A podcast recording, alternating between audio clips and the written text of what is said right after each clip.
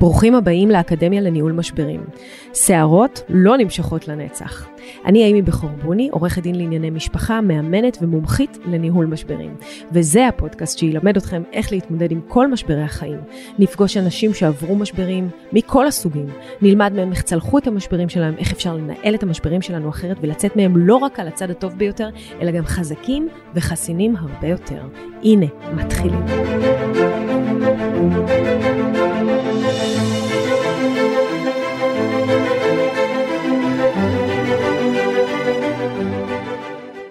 אז uh, היום אני רוצה לדבר איתכם על משבר החוסר עושר. מה זה, מה זה בכלל משבר החוסר עושר? אני, אני, אני רוצה להגיד שאולי זה לא נשמע משבר, אבל זה מאוד משבר. כי רוב האנשים מסתובבים בעולם, וכל המטרה שלהם היא להיות מאושרים, להרגיש טוב. כל מה שאנחנו מברכים את הילדים שלנו זה רק תהיו מאושרים. לא אכפת לנו מה תעשו, איך תעשו, רק תהיו מאושרים. זאת אומרת, זה, זה אושר, זה, זה אה, אה, דבר נשגב שכולנו היינו רוצים לחוות אותו כמה שיותר לאורך זמן. אז אני אתחיל מספוילר, באמת ספוילר, כי המסקנה של, של החיפוש האושר היא כל כך לא אינטואיטיבית, היא קונטרה אינטואיטיבית למעשה. ואני אגיד שרוב האנשים, או בעצם כל האנשים, אומרים, אם אני אצליח, אני אצליח בחיים, אני אצליח בדיאטה, אני אצליח בכסף, אני אצליח בקריירה. אם אני אצליח, אז אני אהיה מאושר. אבל זאת טעות. טעות מובנית במערכת ההפעלה שלנו, במיוחד בעידן הזה.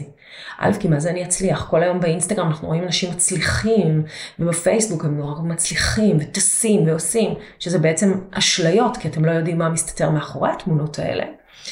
אבל המסקנה היא הפוכה. וזה באמת הספוילר. המסקנה היא שרק אם נהיה מאושרים, אז נצליח. עכשיו, זאת מסקנה שצריך לגזור אותה לאחור, כדי להבין בעצם איך זה עובד. אז אני, אחרי שאמרתי לכם את המסקנה, והיא בעצם בטוח נשמעת לכם מאוד מאוד מאוד הזויה, כאילו מה זה אם נהיה מאושרים אז נצליח, אבל איך נהיה מאושרים כדי להצליח, שנדבר על זה. אמ, צריך לדבר רגע על, על חוסר אושר בכללי, אוקיי? ו- וחוסר אושר הפך משבר מאוד משמעותי בעידן הזה שלנו. יותר ויותר אנשים, אנחנו רואים, לוקים בתסמינים של דיכאון וחרדה. ודיכאון וחרדה הוכרזו למעשה כמגפה של המאה ה-21. אפילו קצת נתונים, למעלה מ-300 מיליון אנשים בעולם סובלים מדיכאון מז'ורי, אוקיי? שהוא הבחנה פסיכיאטרית הנפוצה ביותר בעשור האחרון. אירוע של דיכאון קליני ממוצע יכול לקחת שישה חודשים, אגב, עד שנה, וב-20% מהמקרים אפילו נמשך שנתיים. ולפי הארגון הבריאות העולמי, מדובר באחת המחלות המעיקות והמשפיעות ביותר על החברה. תשמעו, זאת מגפה. אם הייתי אומרת לכם שיש 300 מיליון חולי קורונה, מה הייתם אומרים? מגפה בינלאומית, נכון? אז זאת מגפה.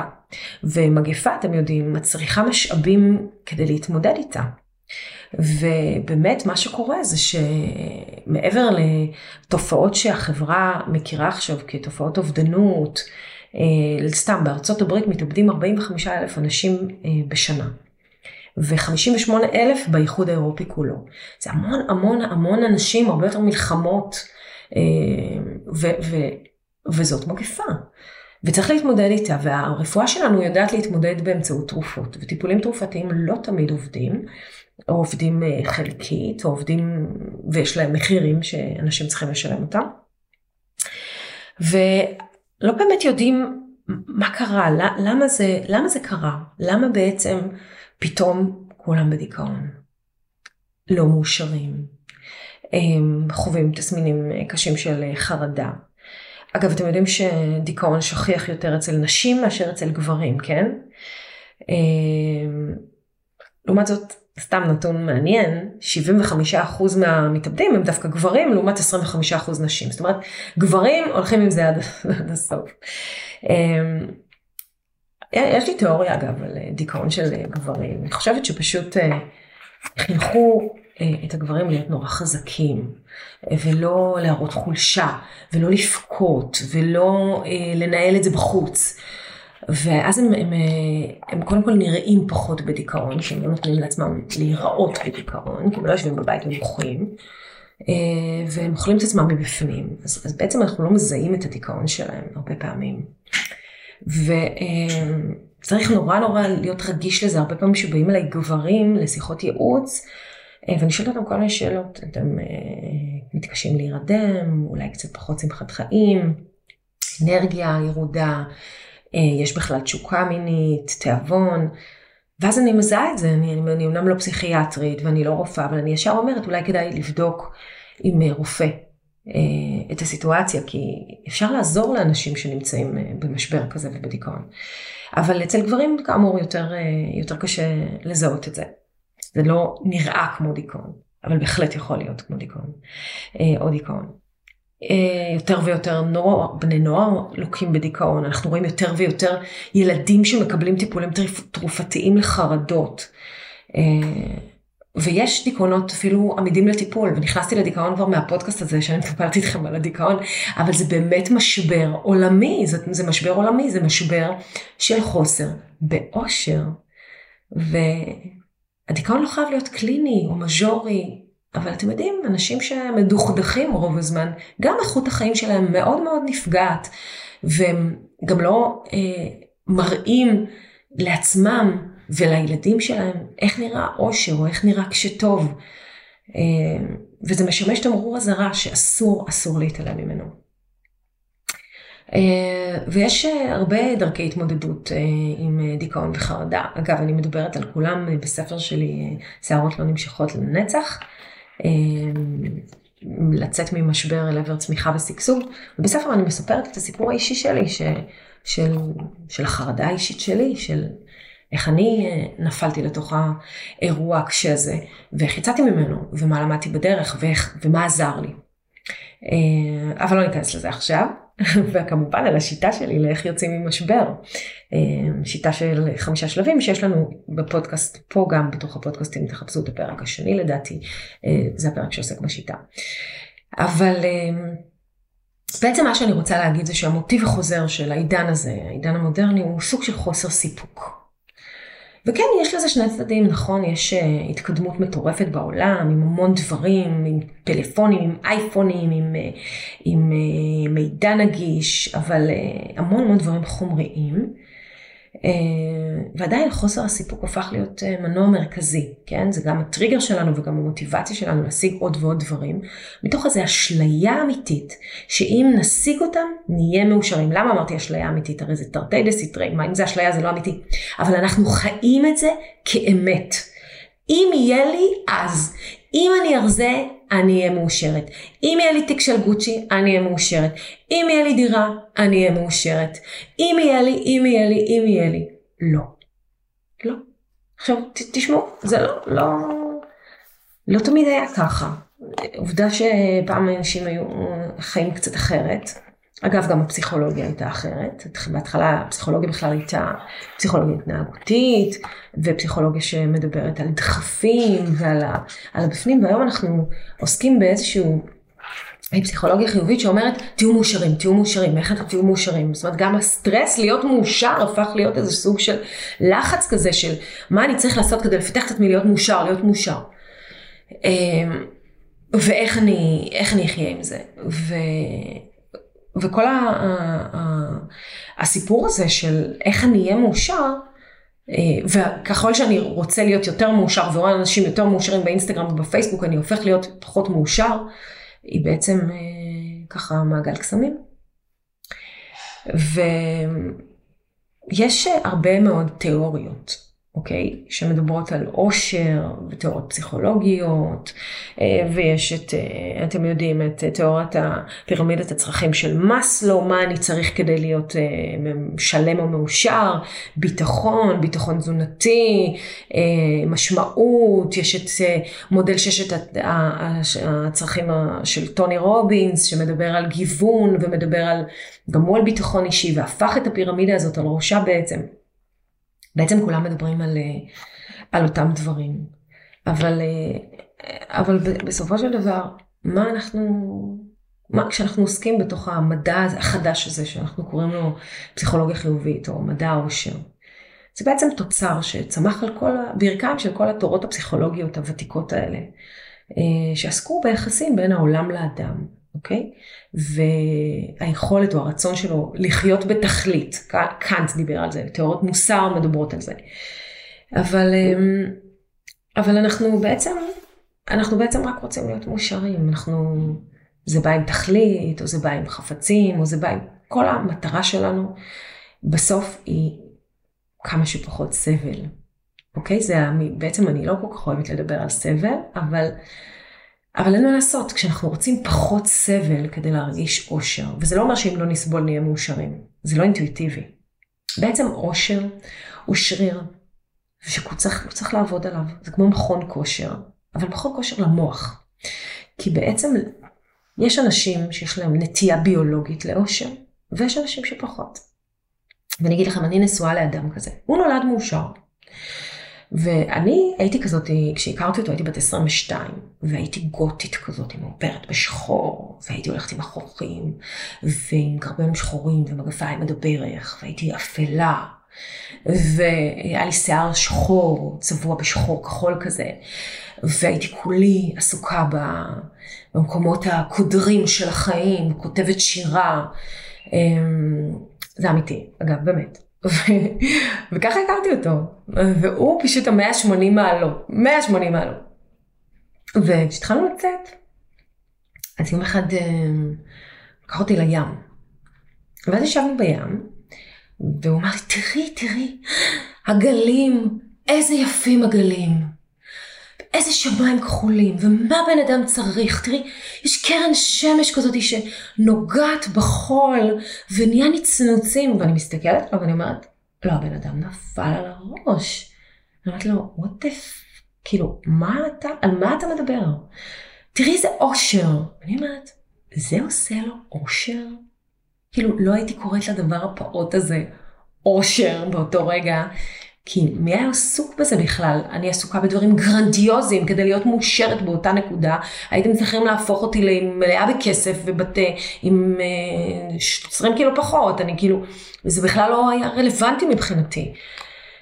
ולמדתי ממנו, ישבתי וצפיתי בו, צופה בציפורים ובדברים קטנים ובארוחה טובה, תראי איזה כיף לנו, אנחנו על כוס יין ופסטה, ופתאום זה עשה אותו מאושר, כל הדברים הקטנים האלה. ואני הייתי בוהה בו. עד שהבנתי, זה שריר. אם אתה מסגל את עצמך אל הסיטואציה ושאתה אומר, רגע, אני יכול להיות מאושר פה מהאירוע הקטן הזה, מהפסטה והיין עכשיו, כי זה גורם לי, וואלה, זה גורם לי אושר. זה לא ממש משנה מה יהיה אחר כך, או איך אני בדיוק נראית במראה, או מה יש לי בבנק. יש את הרגע הזה, והרגע הזה הוא מאושר. ואושר לאורך זמן עשוי מרגעים קטנים, קטנים, קטנים. ואם אתה יודע להסתכל עליהם ולא לפספס אותם, כי מה אנחנו עושים? אנחנו מפספסים אותם, אנחנו כל הזמן מסתכלים על אושר של אחרים ומשווים. מחלת ההשוואתיות הזאת היא אחד ממחרבי האושר העיקריים. אז אם אתה בוהה באושר של אנשים אחרים, איזה באסה הם במלדיבים ואני לא, איזה באסה הזאת קנתה טסלה ולי אין, איזה באסה, אה, יואו, היא מרוויחה בהייטק עכשיו מלא כסף ואני תקוע בעבודה משעממת. בוא, זה לא שם.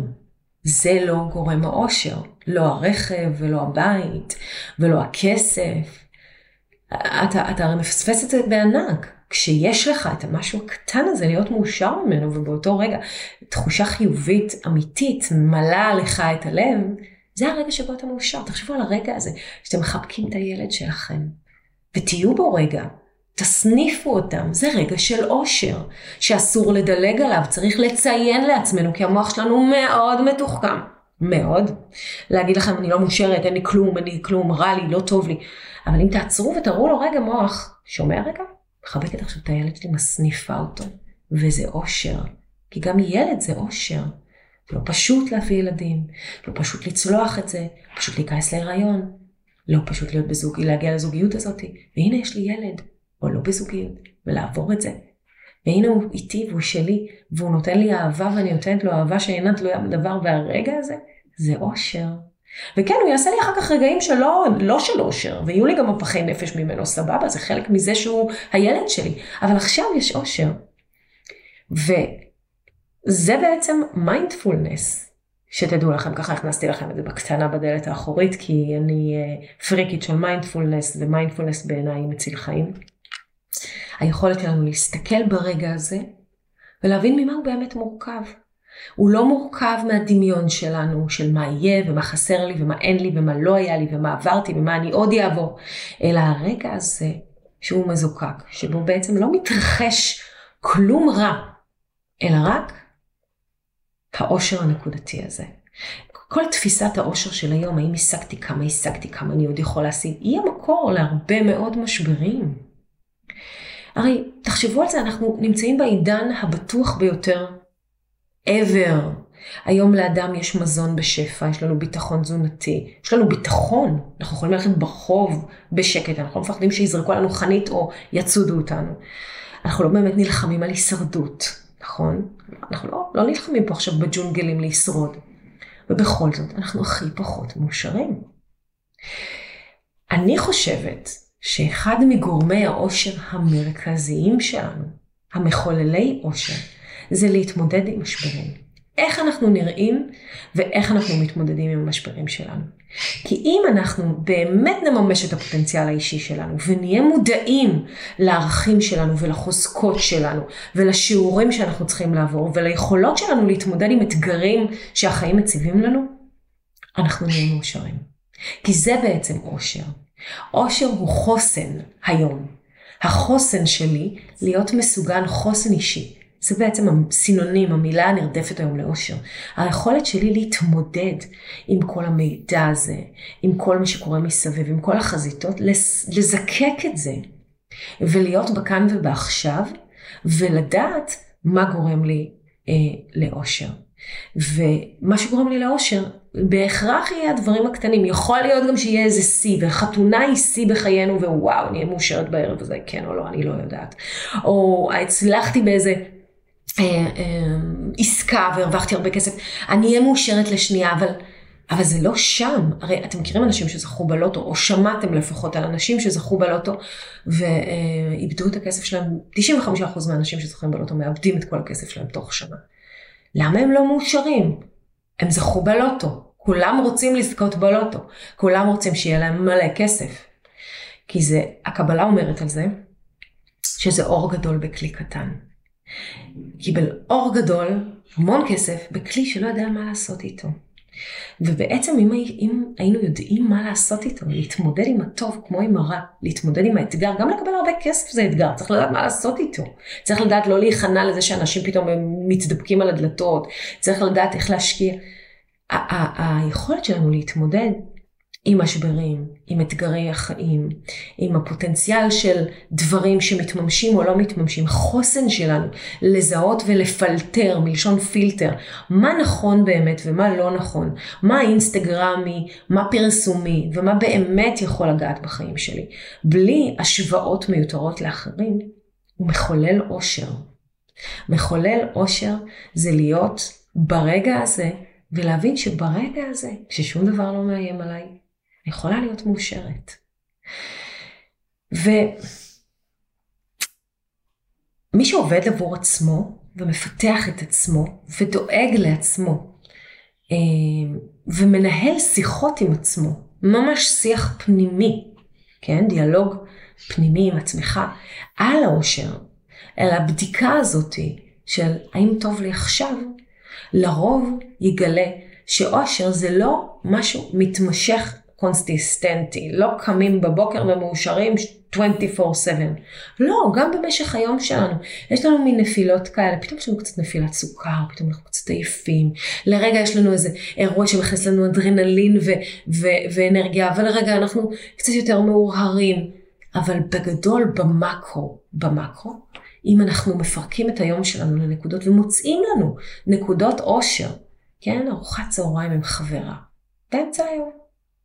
שיחת טלפון עם אחות, שמפרגנת, או אה, משהו שקורה לנו בעסק, או משהו שקורה לנו בבית, או שהילד שלנו אמר לנו בבוקר אני אוהב אותך אימא, ואנחנו מוצאים בזה ואנחנו נאחזים באירוע הזה, ואנחנו אומרים, אה, זה רגע של אושר. אז אנחנו מלמדים את המוח שלנו להיות מאושר. וזה בעצם הסוד. כי המוח שלנו הוא אלסטי, והוא יכול ללמוד הכל. אבל אם אנחנו לא רואים את זה, איך הוא יראה את זה? ואם אנחנו לא נראה לו את הסיטואציה, כמו שאנחנו רוצים לראות אותה במשקפיים שלנו, לא, טוב, אנחנו בים עכשיו, אז מה כאילו, אין פה כלום, אלא נסתכל על זה רגע במשקפיים של בעלי, משקפי העושר שהוא חובש כל הזמן, אז גם ברגע הזה יש המון המון המון אושר. ברגע הוא בכלל היה מלא אושר, גם הייתי מאוהבת בו, גם לא היה לי אחריות, לא היה לי ילדים, לא היה לי חובות, לא היה לי משכנתה, לא היה לי... מה היה לי? הייתי ילדה בת 22 וכל הזמן הייתי לא מאושרת. כי זה היה מגניב להיות לא מאושרת. אבל, אבל הלא להיות מאושרת הזה, זה, זה הפך להיות אה, איזשהו משהו שסחבתי איתי, במקום לחנך את עצמי לראות את הטוב. ויש המון המון סיבות למה אנחנו מחנכים את עצמנו לראות את הרע, אבל אנחנו לא ניכנס לזה, זה יהיה פרק על שלם על אמונות מגבילות ופרדיגמות שלוקחים אותנו למשברים אחרים. אבל באותו משבר שאנחנו מדברים עליו, אה, אה, של חוסר עושר, בסופו של דבר, אם אתם תחליטו אה, להיות מאושרים, כן, שמעתם מה אמרתי? תחליטו להיות מאושרים. רק אתם תחליטו. רק אתם יכולים לגרום לעצמכם להיות מאושרים. להעריך את הרגע ולראות את הטוב בו. זה יהפוך אתכם למאושרים. ואם אתם תחליטו להיות מאושרים ותלמדו לטפל במשברים שלכם, וזה לא חשוב אם זה בשיטה שלי או בשיטות אחרות, כל אחד מה שעובד לו, כן? אני מאוד מאמינה בשיטה שלי, אבל, אני, אבל כל אחד מה שעובד לו. ותיקחו כלים, אוקיי? לניהול סיטואציות אתגריות, משבריות, ו... לא תתייחסו לאושר כמושג מוחלט. אני חייב להיות מאושרת, אני צריכה להיות מאושרת עכשיו, אני צריכה להיות מאושרת כל הזמן, למה לא מאושרת? אתה עושה לי להיות בדיכאון, למה היא מאושרת ואני לא מאושרת? אז זה בהחלט ישפר את איכות החיים שלכם, ויגרום לכם לתחושת הצלחה אישית, אפילו הצלחה אישית, הרגע הזה שאתה כובש דקת אושר ואומר, הנה אני מאושר, אה, איזה יופי, הצלחתי. אה, אתם תהיו האנשים האלה ששום דבר לא באמת מנהל אותם, שלא נכנסים להיסטריה, לא משינוי ולא מאתגר. ואפילו תדעו, עצם העובדה שתדעו לנהל משבר, זה גם אושר. זה שתדעו להסתכל על זה, זה גם אושר. כי זה חוסן. זה בונה חוסן. ובאמת, אה, לפני הרבה שנים אני הבנתי שהתפיסה שלי האושר, על אושר היא מוטעית. גם אני חשבתי את, ה, את המחשבות השליליות האלה, אם תהיה לי זוגיות, אני אהיה מאושרת. זה לא קרה, אני הייתה לי זוגיות, לא נהייתי מאושרת. אם אני אהיה רזה, אני אהיה מאושרת. רזיתי מלא, הייתי פצצה, לא הייתי מאושרת. ממש, והייתי בטוחה בזה, זהו, אם אני רזה, אני מאושרת. אם יהיה לי כסף, אני מאושרת. לא קרה. זאת אומרת, זה נורא נחמד שיש כסף, אבל זה לא הופך אותך אוטומטית למאושר. כי התפיסה הזאת היא מוטעית, פשוט מוטעית. כל פעם שיעמוד תנאי לאושר שלי, להיות מאושרת, זה לא יקרה. אגב, זה בדיוק כמו בזוגיות. זוגיות היא לא תנאי לאושר, ואסור לנו לתלות בה את האושר שלנו, אוקיי? סתם אני, אני חייבת לתת לכם דוגמה על, על זוגיות. מעניין מאוד לראות איך אנשים תופסים זוגיות מאושרת, אוקיי? אצל רוב האנשים, מדד האושר לזוגיות טובה הוא אורך חיי הנישואים. אתם מכירים את זה שאתם רואים uh, זוג בני 70 הולכים ברחוב, ואז אומרים, יואו, איזה חמודים, איזה מדהימים, גם אני רוצה ככה, הם 55 שנה ביחד. אבל זה מה שגורם לנו לחשוב שהזוגיות שלהם טובה אף אחד לא יודע מה באמת קורה בחדרי חדרים. אתם אף פעם לא יודעים אם זוג שנראה לכם מאושר הוא באמת מאושר. כשהכרתי את אילן בגיל 23, אה, היה לו, היה לו זוג חברים, שבאמת הם היו כאלה יפים, וואו. היא הייתה רקדנית, והוא היה כזה גבר גבוה וגדול, והיא פצצה, והייתה להם דירה מהממת, וכל הזמן, ואני הייתי ממורמרת, אמרתי לכם שהייתי עסוקה אז בלהיות לא מאושרת, לקח לי זמן, ו- ואמרתי לו כל הזמן, למה, למה הם כאלה מהממים, נראה שיש להם זוגיות מושלמת, ורק אנחנו רבים על דברים, וזה, ו... הייתי בוכה לו, אני רוצה להיות כמוהם. כל הזמן הם ביחד, והם מתנשקים כזה ומחזיקים ידיים, היא הייתה מלטפת אותו. ואז נהייתי חברה ממש ממש טובה שלה, והיא גילתה לי את כל הסודות, ואז גיליתי שוואלה, אין שם כלום. לא שלא היה שם אושר, לא היה שם כלום. לא היה שם סקס המון המון זמן, לא הייתה שם אינטימיות אמיתית, הם לא היו חברים טובים בכלל, היא לא סיפרה לו על שום דבר שעובר עליה. ואגב, בסוף הם התגרשו. וזה, וזה, וזה נורא השוואתיות הזאת, כן? שאנחנו משווים את עצמנו לאחרים, אבל אה, אין מה לעשות, זה טבעי, והייתי ילדה, והיום אני יודעת לא לעשות את זה, אבל אני גם יודעת לא ללמד את הילדים שלי לא לעשות את זה. אני יודעת להגיד להם שמה שהם חושבים שנראה להם, זה לא באמת נכון. ו... אה, אז רגע, נחזור לטענה הרווחת. הטענה הרווחת, הם ביחד מיליון שנה, הזוגיות שלהם טובה, מדהים, איזה כיף להם, הם בני 70 והם ביחד. אבל לא, לא. כי אם המדד היא זוגיות ארוכת שנים, אז בסדר, אז אתם צודקים. אבל אם המדד הוא אינטימיות, יחסים מכבדים, חברות, אהבה, התפתחות, ביטחון, אז אין קשר לאורך הזוגיות, זה לא המדד. ואם אתה נשאר בזוגיות, אה, במערכת יחסים שלא מובילה אותך להיות מאושר, ולא מעצימה אותך, ולא, וגורם לך להיות מתוסכל, או משקרים לך, או בוגדים בך, או שותקים לך ימים ארוכים, אז, אז אתה לא מאושר, והזוגיות עצמה כתנאי לא הופכת אותך להיות מאושר. ובעצם כל מה שצריך לעשות זה לשים את המשקפיים הנכונות ולהגיד, מה, אורך הזוגיות הזאת לא שווה שום דבר אם אני לא מאושר בה. אושר הוא מונח חמקמק, כי אנחנו צריכים לשים אליו לב. וכל עוד לא נשים אליו לב, לא נשים לב שאנחנו מאושרים. וזה הסוד. ואם תהיו מאושרים, כל השפע בעולם יבוא אליכם. כי אנשים ממורמרים מקבלים הרבה פחות. מקבלים הרבה פחות מהיקום, מקבלים הרבה פחות מאחרים. אנשים לא אוהבים להיות ליד אנשים שקשה להם, שהם סובלים, שהם לא מאושרים, ולעומת זאת כולם רוצים להיות ליד אנשים שכיף איתם, שהם מאושרים, אוקיי? שנעים להיות במחיצתם, שהם יודעים לשמוח, שהם יודעים לשמח, גם מהדברים הקטנים, שהם יודעים לחגוג כל דבר. ואם אתם תדעו להיות האנשים האלה ותתרגלו, תתרגלו, תתרגלו. איך? המון שיטות, המון. יש מדיטציות על מדיטציות שילמדו אתכם להיות ברגע הזה של מיינדפולנס ולבדוק את עצמכם ולגלות איך להיות ברגע הזה ולראות אותו כמאושר. אמ, אני אעשה לכם פודקאסט על מיינדפולנס, אני מבטיחה, אבל זה לא בשלב הזה. עכשיו אני ממש רוצה להתמקד במשבר הזה של חוסר אושר ואיך אנחנו צולחים אותו. ואני חושבת שאם אתם תבינו את מה שאני הסברתי לכם היום, שהמסקנה היא הפוכה. קודם תהיו מאושרים, ואז היקום יביא עליכם את כל מה שאתם צריכים, יכיר באושר שלכם, כמו שאתם צריכים להכיר בו. תרוויחו הרבה הרבה הרבה יותר, ובעיקר תהיו יותר מאושרים. אז uh, אני מאחלת לכם יום מאושר, ואם uh, נתרמתם מהפודקאסט הזה, אני אשמח שתשתפו אותו עם כמה שיותר אנשים, כי אני רוצה שכולם יהיו מאושרים, אני רוצה שכולם ידעו להתמודד עם המשברים שלהם ועם הסבל המיותר שהם חווים לפעמים. Um, ואם אתם רוצים לשאול אותי משהו, או לכתוב לי, או לדווח לי, או לספר לי, אז אתם יודעים למצוא אותי באתר שלי, באינסטגרם, אה, בוואטסאפ, בפייסבוק, בבלוג. אני כאן בשבילכם.